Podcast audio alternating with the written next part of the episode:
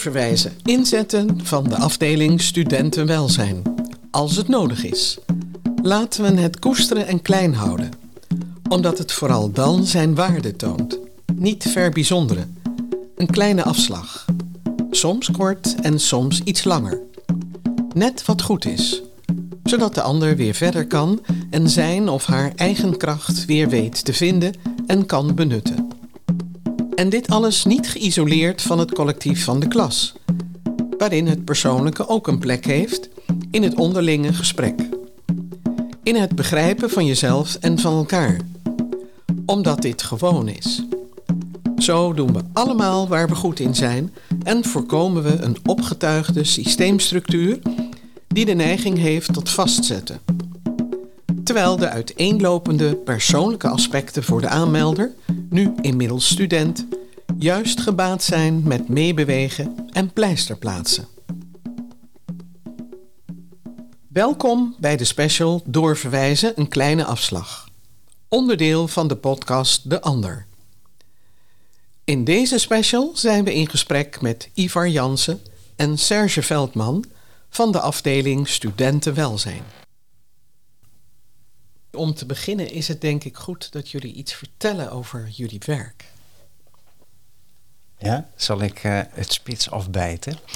Um, nou, ik ben dus uh, Serge Veldman. Ik ben een van de studentendecanen die op de hogeschool werkzaam uh, zijn. Wij zijn inmiddels met 25 verdeeld over de hele hogeschool. Um, en naast dat werk ben ik ook actief als beleidsadviseur studentenwelzijn. Um, en dat is, ja, dat is een hele fijne, leuke, afwisselende combinatie. En mijn naam is Ivar Jansen. Ik ben coördinator van de afdeling studentenwelzijn. En um, ik hou mij vooral bezig met, je hebt binnen de afdeling studentenwelzijn eigenlijk drie spelers. Je hebt de uh, decanen, waar Serge net al aangaf.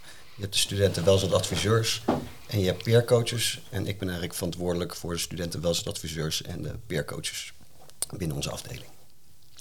Allebei hebben jullie uiteraard gesprekken met de studenten. Wat zijn nou de gesprekken die jullie het meeste bijblijven? Noem er eens twee. Nou, wij hadden het daar ook over. En uh, uh, Ivar straks ook een, heel mooi voorbeeld. Ik had meer iets algemeens eigenlijk. Omdat um, we voeren echt heel veel gesprekken. Om een beetje een idee te geven.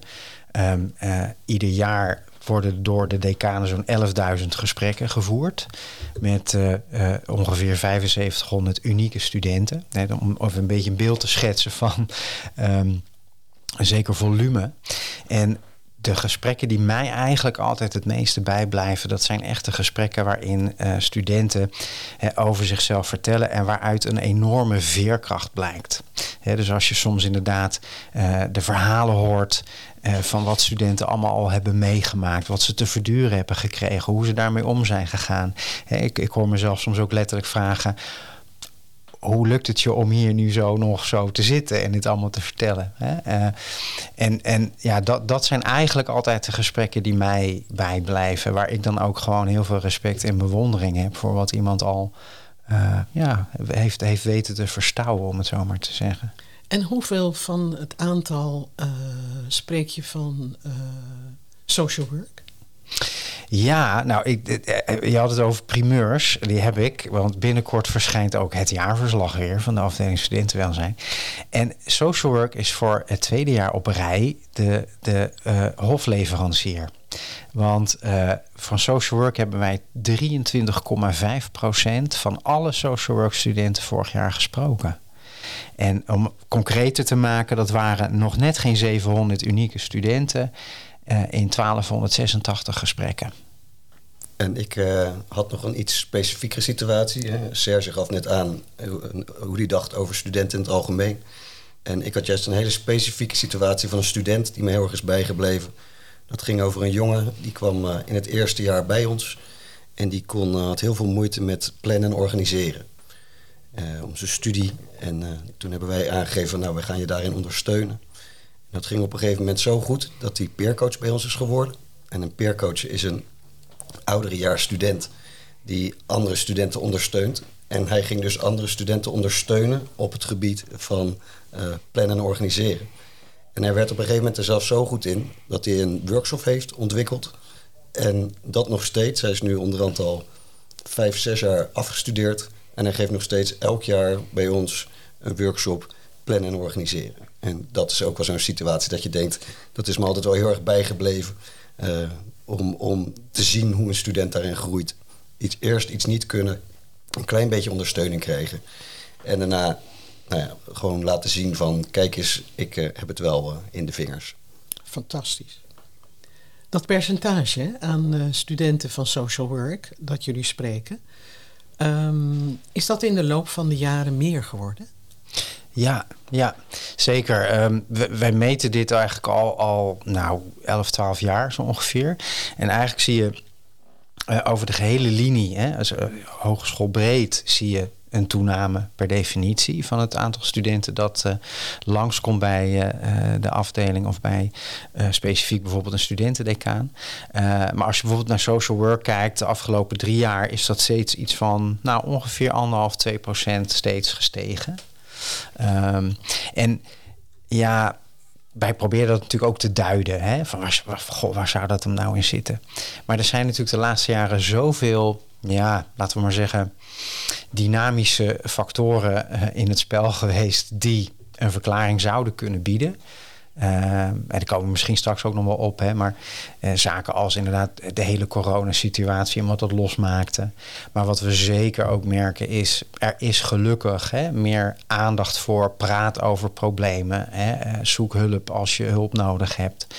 Um, dat lijkt ook zijn vruchten steeds wat meer af te werpen. Dat men wat meer bereidt en, en, en durft om, om die drempel... want soms is het een enorme drempel, over te stappen. Maar het is dus een, wel een hogeschoolbreed uh, gegeven. Nu is er een verschil tussen de student die tien jaar geleden binnenkwam en de student die nu binnenkomt. Um, wat is volgens jullie het verschil? Je geeft net al een aantal dingen aan, maar zien jullie nog meer? Nou, wat we vooral zien is dat er veel meer wordt gesproken over bepaalde thematiek.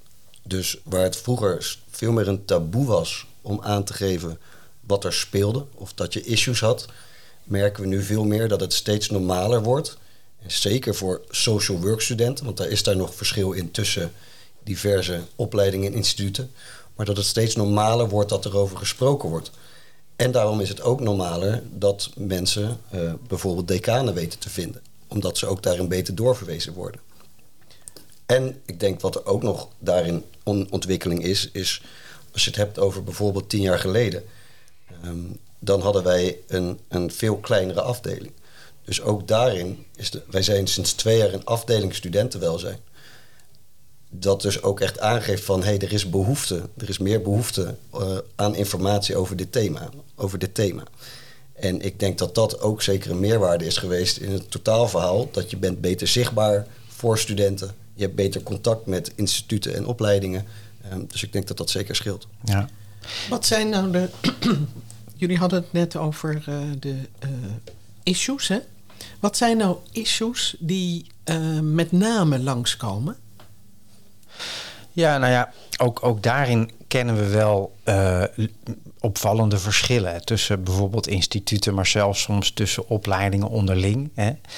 Um, maar als je dan bijvoorbeeld specifiek naar social work kijkt, dan is het misschien ook niet heel verrassend per se hè, dat dat type problematiek dan toch heel vaak op het persoonlijke vlak zich afspeelt. Hè. Dus uh, uh, mentale problematiek bij zichzelf herkennend. Um, bijna altijd wel in combinatie toch ook met andere problemen hoor. Dus bijvoorbeeld ook een lastige thuissituatie hebben. Hè? Of uh, um, ja, een moeilijke woonsituatie met daaraan gekoppeld misschien nog met financiën ook, ook uh, zaken. Helaas komt een probleem zelden alleen. Hè? Dus dat, dat, dat zien we natuurlijk ook heel veel. En als je naar die afgelopen tien jaar dan kijkt, um, dan is iets wat we wel waarnemen. Het is de vraag of het er niet altijd al was. Wij denken van wel. Hè, maar dat het meer bekend wordt en dat mensen er meer mee komen, is wel dat we zien problematiek wordt complexer. Het, het, het is een, vaak een meer veelkoppiger monster geworden. Ja, het is dan- vooral ook meer, inderdaad. Ja. Het is niet meer... Vroeger was het vaak één thema Ja, ja. waar studenten mee kwamen. En nu is het meerdere. Een student en ik heb een functiebeperking... en ik ben mantelzorger en, en, en. En Ja. dat is wel iets wat, eh, wat opvalt. Ja. Eh, dat is ook herkenbaar uit de gesprekken die wij voeren in de SKC's met eh, Hmm. de aanmelders. Zie je toch ook regelmatig dat er meer aspecten spelen. Ja.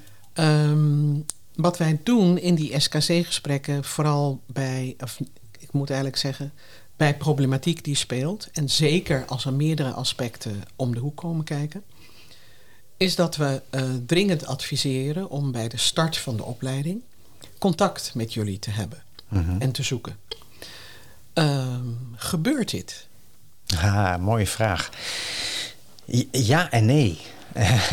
dus, ehm, kijk, want dan zouden we bij wijze van spreken moeten weten hoe vaak adviseren jullie dat en, hoe vaak komen ze dan? Nou, dat kunnen we helaas dus nu nog niet één op één bij van spreken meten of zien. Al is het wel zo, hè, wij kunnen jullie aantekeningen van het eh, gesprek zien. Dus wij, wij hebben dan vaak al gelezen, ah, hè, eh, eh, het SKC eh, eh, eh, gespreksleider heeft hè, dat advies gegeven. En er zitten een paar kanten aan dat verhaal. En die maken het soms in die zin lastig. Jij zei net al, je geeft een dringend advies. Ze zijn niet verplicht om te komen. Het is en blijft altijd vrijwillig. Wij krijgen die vraag ook wel eens als, als decaan van, van bijvoorbeeld een SLC van... Goh, kan je student Pietje is, is oproepen? Want het is eh, belangrijk dat hij in gesprek gaat.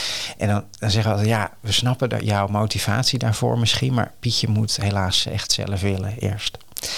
Dus ja, we maken het mee. Dan komen ze ook zeggen, ik moest langskomen voor een gesprek. En dat, dat, zijn de leukste. dat zijn de leukste. Ik weet dan- eigenlijk niet wat ik hier moet doen, Ja, maar ik- ik moest hier naartoe komen. ja, wat, wat maakte dat ze je hebben gestuurd, denk je, weet je wel? Nou, en de meesten komen daar natuurlijk gewoon prima uit. Maar ik denk dat zeker, dat is even nu een, een, een inschatting, ik denk dat zeker de helft of meer niet komt. En daar zien we ook een typisch eh, social work probleempje. Ik noem het wel eens het social work syndroom. Namelijk, deze student komt vaak alsnog wel in beeld, maar veel te laat. Dan is er al van alles mis. Even, even, even, even weer terug in Ja. stapjes. Ehm, wat, ik ga weer terug naar het SKC-gesprek. Wat kunnen we in het SKC-gesprek doen om ervoor te zorgen dat meer aanmelders, die dan student zijn, Ehm, zich bij jullie melden? Dus dan wordt Ja. het dringende advies moet een nog dringender advies worden. Nou, wat zouden we kunnen doen? wat, kijk, wat ze vaak niet weten is waarom zouden ze dan langs gaan. En wat mij, mij heel vaak opvalt is dat ze dan zeggen van ja, ik moest dan langskomen zo, zodat de school ervan weet. Hè, dat, dat, dat is dan. En dan zeggen we altijd: ja, oké, nou, nu weet ik het. Hè. Ehm, maar waar het echt om te doen is, heel vaak is er dus van alles mogelijk voor die student in termen van ondersteuning. Dat kan ondersteuning zijn hè, in de vorm van waar Ivar net al even over aanstipte, van een studentenwelzijnsadviseur, een peercoach die die student kan ondersteunen. Maar ook zijn er heel regelmatig bijvoorbeeld regelingen voor die student, bij duo bijvoorbeeld, hè, als het om, rondom financiën of vertraging of dat soort dingen gaat. Of andersoortige eh, regelingen, voorzieningen noemen we dat binnen de hogeschool, waar die student recht op zou kunnen hebben. En dan wordt het interessant voor een student. Dus een verbeterpunt zou kunnen zijn dat naast het dringend advies, dat er net even die uitleg is van: Goh, er is heel vaak bepaalde ondersteuning eh, aanwezig voor jou, die jou gewoon ontzettend goed kan gaan helpen in, in het vooruitkomen in je studie. En we zijn daar zelf ook mee bezig. Hè? Doordat we zelf ook bijvoorbeeld bij die SKC-gesprekken... vorig jaar hebben we daar daadwerkelijk bij gezeten vanuit onze afdeling. Juist dat ook SOC'ers een, een gezicht krijgen. Niet alleen maar jij bent de coördinator van of jij bent een decaan. Nee, een gezicht erbij en dan ook weten van... oké, ik kan gewoon eens bij jullie naar binnen lopen. Ik kan gewoon eens het gesprek met jullie aangaan. En als ze weten wat wij doen, is het ook makkelijker om een student onze kant op te sturen. Want Dus is het ook een kwestie van doorverwijzen naar de website en alles. Het is, het is voor ons Ja, de Ja. zaak om, om een communicatie, zo, zo, zoveel mogelijk communicatiemiddelen te hebben hoe studenten ons weten te vinden. dat gaat mond op mond, dat gaat via hint, dat gaat via profielen. Via verschillende manieren gaat het. We hebben nu weer een nieuwe flyer. Maar uiteindelijk is het wel de bedoeling, die flyer, dat die ergens belandt. Dat die flyer, hè, als een SOC er iets ziet, weet van... oh ja, ik heb momenteel een bepaalde student. En daarvoor zou het goed zijn als hij zich meldt bij het decanaat... of bij de afdeling om iets te regelen. En niet omdat wij dat zo leuk vinden... maar omdat je jammer genoeg vaak hoort van mensen die het niet wisten. En gewoon niet, simpelweg niet mm. wisten dat ze recht hebben op een voorziening... Uh, en daardoor dus in het ergste geval ook gewoon kunnen uitvallen. Hè? En, en dat willen we natuurlijk met z'n allen voorkomen. Ja. Nu hadden we het er net al over. De student van tien jaar geleden is een andere dan de student van nu. En ook jullie aanbod is in de loop van de tijd uh, verveelvoudigd. Als ik jullie zo beluister. Ja. Wat zijn nou de belangrijkste verschillen tussen toen en nu? Heel veel verschillen tussen toen en nu zitten in. Vroeger deden we het vaak op één manier. De student kwam langs en die had een gesprek. Wat er nu heel erg is veranderd is, wij zijn aan het kijken van waar heeft een student nou eigenlijk behoefte aan en op welke manier wil die bereikt worden. De ene student heeft behoefte aan een één op één gesprek met een decaan. Een andere student wil graag een gesprek met een peercoach of met een studentenwelzijnadviseur. Maar daarnaast bieden we ook workshops aan met verschillende thematieken. Uh, we bieden online en offline ondersteuning. We hebben een GGZ-spreekuur. Dus er zijn eigenlijk verschillende manieren waarop een student uh, ons kan vinden en ons kan bereiken. En vroeger was het veel meer de manier, je gaat naar een bepaald lokaal toe, daar zit een bepaald persoon en met die persoon heb je een gesprek. Maar soms is de drempel om naar een decaan te gaan of naar iemand anders is al te hoog. Misschien wil iemand eerst op hint is wat informatie lezen of op de website. Of wil je eerst eens iets, een workshop volgen over een thema als bijvoorbeeld faalangst. En niet gelijk zijn hele hebben en houden op tafel leggen. Hè? dus, daar, dus daar zit een verschil in hoe dingen aangepakt worden. Ik vind het wel heel mooi dat je het zo schetst. Want dat komt niet op deze manier. Maar wij zien inmiddels ook dat je kunt uh, even voor het gemak drie groepen onderscheiden. We hebben de ondernemers onder uh, de aanmelders, inmiddels student. Uh, dit jaar trouwens wel iets minder dan de afgelopen twee jaar. Maar dat zijn eigenlijk de jonge mensen die zeggen: Oké, als er iets aan de hand is, dan wil ik gewoon snel en uh, aan de slag. Dan heb je de jonge mensen die, uh, ja, ik ben het inmiddels de dromers gaan noemen, die uh, meer ook kijken naar sfeer en of het hun past en of het wel goed voelt. Um, dus voor zover er bij hun sprake is van problematiek, is dat voor hun het uitgangspunt. Het moet goed voelen, het moet bij ze passen. En je hebt een groep die. Uh, dat zouden nog wel eens de studenten kunnen zijn die zeggen: Oké, okay, er is een probleem, maar ik kijk wel hoe ver ik kom. Mm um, en die zouden wel eens kunnen struikelen over datgene wat ook al in een SKC-gesprek benoemd is als probleem. Uh, ik vind het wel mooi aansluiten bij wat jullie ook aangeven. Dus ieder heeft behoefte aan een wat andere uh, invalshoek, zou ik bijna zeggen. En het is op dit moment nog zoeken. Hm. Want wat is nou daarin het beste? Nou, misschien mag ik daar even op aanhaken. Want die laatste groep die jij noemt, dat is dus precies die groep die dan misschien, ondanks dat advies nog steeds niet komt. Hè? En vaak krijgen we die dan pas in beeld als, als echt al hè, alles eigenlijk is misgegaan. Ze hebben bijna geen punten gehaald. Uh, ze, kunnen eigenlijk niet door met de studie. Er zijn misschien inmiddels ook andere problemen groot geworden. En dan, dan, spreken we ze alsnog. En dan is het natuurlijk soms ook die vraag van, van goh, waar was je nou? Waar was je? Want we hadden misschien wel al in een eerder stadium dingen kunnen doen. En dan komt wat ik al eerder even aanstipte als eh, wat wij wel eens noemen het social work syndroom. En dan zegt die student, ja maar ik wilde het zelf doen. En ze zeggen altijd, oké, nou, dat is een, heel mooi streven. Hè? En ik draai het dan altijd om. en zeg van, nou, ga nou eens op mijn stoel zitten. Hè? Mijn werk even doen. En, en, en ik ben nou degene die dit verhaal vertelt. Hè? Het is jouw verhaal. Wat zou je, wat zou je mij dan adviseren? Ja, hulp zoeken. Oké. Dus jij zou een ander adviseren om, om hulp te zoeken. Wat maakt dan dat dat voor jou niet geldt? waarom zijn de spelregels voor jou anders? Nou, dan valt het vaak even stil. Of iemand breekt soms even. Of, nou. Maar meestal kom je dan altijd dus inderdaad op, op, op ja, een stukje persoonlijkheidsstructuur uit. Hè, waarin iemand dus eigenlijk laat zien: ja, goh, ik heb het mijn hele leven zelf al moeten doen. En ik heb me moeten bewijzen. En dat is ook de reden dat ik deze studie wil. En ik heb zelf van alles meegemaakt. En nou ga ik anderen helpen.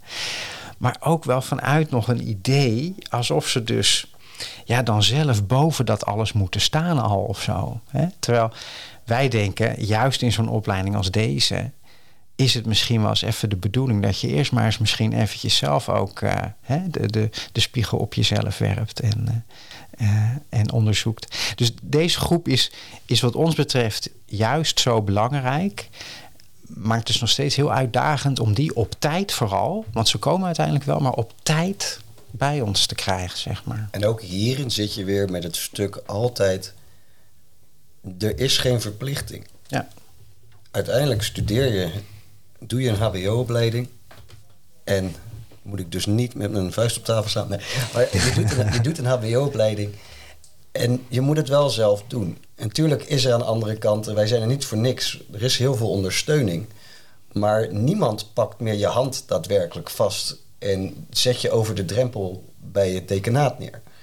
Dus ergens is er ook altijd een stuk dat je, dat je kan aan alle kanten aanreikingen doen, maar een student moet het wel echt zelf doen. Wat voor handreiking kunnen jullie bieden aan docenten en SLC'ers die ook met dit vraagstuk uh, ja, worstelen, noem ik het hmm. dan maar even? Um, ja, welke handreikingen kunnen jullie ik denk dat het, nou, Ik denk dat het belangrijkste daarin is dat het gesprek met ons aangaan. Als jij gewoon af en toe niet weet hoe je moet of kan handelen, dat je gewoon is. Ook, het is, kijk, een afdeling studentenwelzijn is er niet alleen maar voor de student. Uiteindelijk als, is als SOC'er ook soms belangrijk om te weten wat kan ik, uh, of wat moet ik, of wat is er, wat zijn er voor mogelijkheden. En dat kunnen wij in ieder geval aanraken, dat, aanreiken, dat we gewoon tegen SOC'ers zeggen van... mocht je ergens niet uitkomen, of kom je er wel uit... maar heb je wat vragen, et cetera... kom naar ons toe en weet ons te vinden. En ik denk dat we daarin ook verder verdieping in kunnen hebben. Kijk, uiteindelijk willen we maatwerk bieden. Dus als een SOC op een gegeven moment tegen bepaalde zaken aanloopt... ik noem maar iets, die, die, komt, die zit in de klas... en die krijgt aan alle kanten te horen... ik heb heel veel studenten die faalangst hebben... of andere uh, thematiek die speelt... dan kunnen wij daar weer gericht aanbod op organiseren en creëren. dus dat is ook steeds, als wij weten wat er speelt, kunnen we daar ook op, op handelen. Ja. En hoe kijk jij naar die handreiking? Nou ja, kijk, dit, dit is inderdaad een hele belangrijke. Dus we kunnen altijd meedenken en sparren. En ik denk, als het gaat om de handreiking tussen meer de, de docent en die student, die dat ook zo ziet, ehm, dan zou ik heel erg willen meegeven van Um, zorg dat je op voldoende momenten echt met de student reflecteert op zijn of haar huidige uh, gedrag in relatie tot zijn of haar toekomstige functie. Ik, wat, wat ik echt nog wel soms te weinig bij studenten proef van social work, en dat is niemand schuld, hè, want dat, dat is ook helemaal niet te herleiden, maar is dat ook bij die student zelf het bewustzijn er zit. Oh ja, maar wacht even. Ik word opgeleid tot hè, maatschappelijk uh, social worker. Hè, tot, tot, tot iemand die anderen gaat helpen. Wat verlangt dat nou eigenlijk van mij in, in een soort basishouding? Hè? En dat ook ik voor mezelf zorg. Hè? Want ja, daar hebben we het dan vaak over. Van als jij niet ondertussen goed voor jezelf zorgt, dan heb jij dus straks na een jaar eh, op je nieuwe baan die eerste burn-out te pakken. En, en heeft niemand daar dus wat aan. dus, dus mijn handreiking zou zijn van ga al in een veel vroeger stadium ook dat gesprek aan over professionaliteit. Wat is nou professionele ontwikkeling ook? Oké, dit sluit wel heel mooi aan bij een van de aspecten die ook in, de, in eerdere afleveringen van de podcast aan de orde komen. Dat is namelijk om uh, niet te schuwen uh, problematiek die kan spelen voor de jonge mensen, ook in een eerste jaar, mm -hmm. gewoon in de klas te bespreken. Mm -hmm. Dus niet uh, uitsluitend te reserveren voor een student welzijn gesprek, um, maar en en. Mm -hmm. Dus en in de klas, als het zich voordoet, gewoon met elkaar in gesprek over problematiek die kan spelen. Dat kan van alles zijn, Mhm. van geldproblemen tot eh, eh, ik, ik zit tegen een kleine depressie aan of Mhm. wat er ook maar is. Wij, wij hebben dit uitgebreid met elkaar besproken. Van hoe kijken wij er nou tegenaan dat je met deze problematiek in de klas aan de slag gaat? En, en wij vonden dat zelf, wij kwamen op het woord spannend. Want het is denk ik heel moeilijk. Stel dat je het inderdaad, je gaf net aan financiële problemen. Stel je gaat dat benoemen in de klas. En, en student A zegt: Ik heb financiële problemen, et cetera, et cetera wat verlang je of wat wil je dan van andere studenten? Een, een student wil daar misschien niet over praten. Eh, wordt hij dan in zo'n situatie misschien toch ergens van: oh, eh, ik voel ergens een soort druk dat ik er ook iets over moet vertellen? Hoe veilig is de klas? Hè, dus ik, eh, hoe goed kan een SOC'er dat begeleiden op dat moment? Ja. Als die heftige problematiek besproken wordt.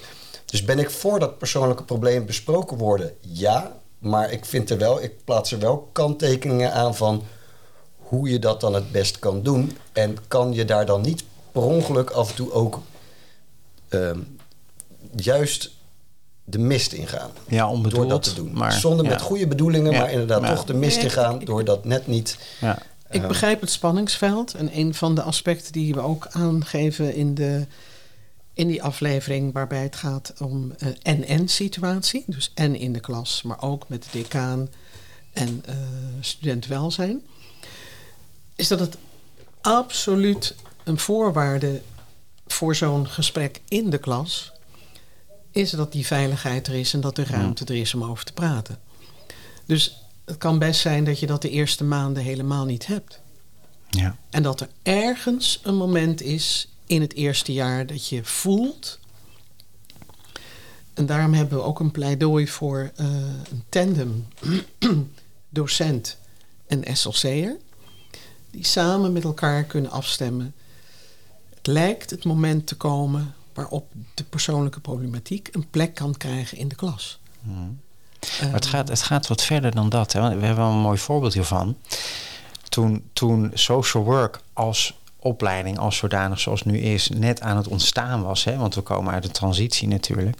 En die hebben we wel helemaal kunnen volgen. Toen merkten we op een gegeven moment bij eh, het decanaat dat er rond een bepaalde periode in het jaar opeens heel veel studenten bij ons kwamen.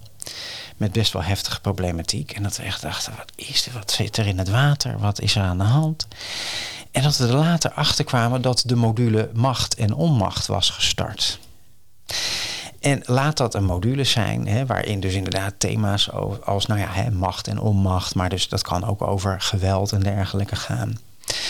Dus wat er kennelijk gebeurde was door die lessen werd er het een en ander getriggerd bij studenten. En bij sommigen triggerde dat oude trauma's hè, of, of zaken die spelen. En ja, daar zijn we natuurlijk toch terug gaan geven als signaal. Hè, van joh, luister, dit valt ons op. eh, wat, wat gebeurt hier? En wat toen wel opviel, en dat, dat was toen ook nog wel, en het was nieuw hè, voor social work, want het was toen allemaal nog net in de kinderschoenen. Van, van oh ja, we moeten toch ook dan meer dat gaan inbedden. Dat je voordat je al met zo'n module begint, misschien hè, iets gaat doen. Dus een stukje voorbereiding. En dat dan tijdens zo'n module er ook heel veel aandacht is voor wat zie ik gebeuren in zo'n klas? hey, welke student trekt zich heel erg terug of komt opeens niet meer in de les, bijvoorbeeld? Ehm, maar dat ook bijvoorbeeld bekend is, want het jaar daarna, toen hebben ze het anders aangepakt. Toen voordat die module startte, toen is een aantal decanen uitgenodigd. En toen hebben ze geïntroduceerd, we gaan het komende kwartaal aan de slag met de module macht en onmacht. En het zou kunnen zijn dat dat misschien best wel eens iets met je zou kunnen doen. En weet dan dat er mensen zijn waar je mee kan praten. En daarom waren wij er dan even, liet ons gezicht zien en zo. En, en, en dat maakte echt een heel positief verschil. Want het werd dus ingebed. En er was dus ook voor- en nazorg. En dat is wat ons betreft, toen we het er ook over hadden, wel echt een voorwaarde. Als je dit gaat doen, dan moet je ook dit wel inrichten met elkaar. Ik begrijp het. Ik vind het een prachtig voorbeeld ook dat je noemt. Nou, kijk, altijd goed om te horen. Maar het is misschien, misschien nog in het verlengde daarvan, hè, want het bespreken van die dingen in de klas. En we hadden het net al over dat het blijft altijd die vrijwillige keuze van de student om bijvoorbeeld ook te komen praten met een decaan. Het lastige daaraan blijft dus, hè, nou probeer ik me voor te stellen, ben ik zo'n student. En, en misschien iets in mij wil wel er iets over vertellen, maar iets in mij ook nog helemaal niet. En, en dan zit ik met die peers, hè, dus mijn, en hij vertelt wel, en mijn beste klasgenoot ook. En, oh, weet je, en dat zou het nooit mogen worden. Het zou, het zou ook niet mogen leiden hè, tot, tot dat een student misschien toch heel open is en later denkt: oh shit, nee, dit, dit, ik, en dan heb ik dit gedeeld. En weet je wel, dat, en dat maakt het best ingewikkeld, denk ik. Nee, het doet mij denken aan een, gespreksmoment dat ik had tijdens een SKC-gesprek. En toen aangaf aan de jonge dame die ik sprak: ehm, Ja, uh, ik heb het gevoel dat er iets speelt, maar kennelijk is het nu niet het moment voor jou om het erover te hebben. En toen kreeg ze aan het eind van dat eerste jaar kreeg ze een BSA, dus zij moest mm. uh, stoppen. En ik was toen bij die BSA-gesprekken ook betrokken. Oh ja. En toen kwam zij, uh, ze kwam hier de gang op. En ze zag mij en ze herkende mij. En in het gesprek zei ze tegen mij: Ik weet nog dat u het met mij had over dat er mm. dingen zouden kunnen spelen. Ja. Zeg maar, mevrouw, ik kon er toen nog niet over praten. Nee. nee. Dat kan ik nu pas. Precies. Dus ook die kom je tegen. Ja. ja. Dus wat ik vooral ook proef uit jullie verhaal is, er kan heel veel aangeboden worden. Jullie zijn ook bezig met maatwerk en datgene wat het beste aansluit op de student. En tegelijkertijd blijft het altijd een zaak van de student zelf. Mm Die wel of niet het juiste moment al voelt om te komen of niet te komen. En het is maar goed ook dat het bij de student zelf ook blijft. De student houdt de sleutel in handen. Ja. Het enige wat van belang kan zijn is dat docenten en SLC'ers gewoon in de gaten houden hoe het met die jonge mensen gaat. Mhm. Dat doe je zo goed mogelijk. Maar dat doe je ook gewoon, en dat weet ik wel van, hè, juist van een opleiding als ISO. Gewoon de vragen als hoe gaat het met je, die, die wordt gelukkig vaak gesteld. En het is een hele makkelijke vraag. Uh, maar hij wordt denk ik te weinig gesteld. En wat ik zeg, gelukkig doen een opleiding als ISO zit dat best wel ingebakken in. Maar ik ken een hele hoop opleidingen, instituten die geen weet hebben hoe het gewoon gaat. Het gaat niet eens over welke cijfers de student had, maar gewoon hoe gaat het vandaag met je. Het is niet zo heel moeilijk, maar toch denk eigenlijk zelf maar eens kan, na. Kan heel spannend zijn. Vaak je die vraag krijgt of stelt aan iemand, hoe gaat het gewoon met je? En wat voor antwoord je dan krijgt. Ja, die, die verschillen zijn inderdaad wel interessant. Wij, wij, wij, wij verzorgen ook een training voor SLC'ers. Dat heet de verwijstraining. Of, of meer uitgebreid, studenten met problemen verwijzen binnen de HR, heet die uh, voluit. En um, ik, ik, geef die training regelmatig ook. En dan, en dan ook vaak in een heterogene groep, hè, dus een open inschrijving. En dan is het verschil ook wel ontzettend leuk af en toe. Dan bijvoorbeeld een SLC van een technische opleiding van het Academieplein. En een SLC van social work in, in de groep te hebben. Want we hebben het dan ook over.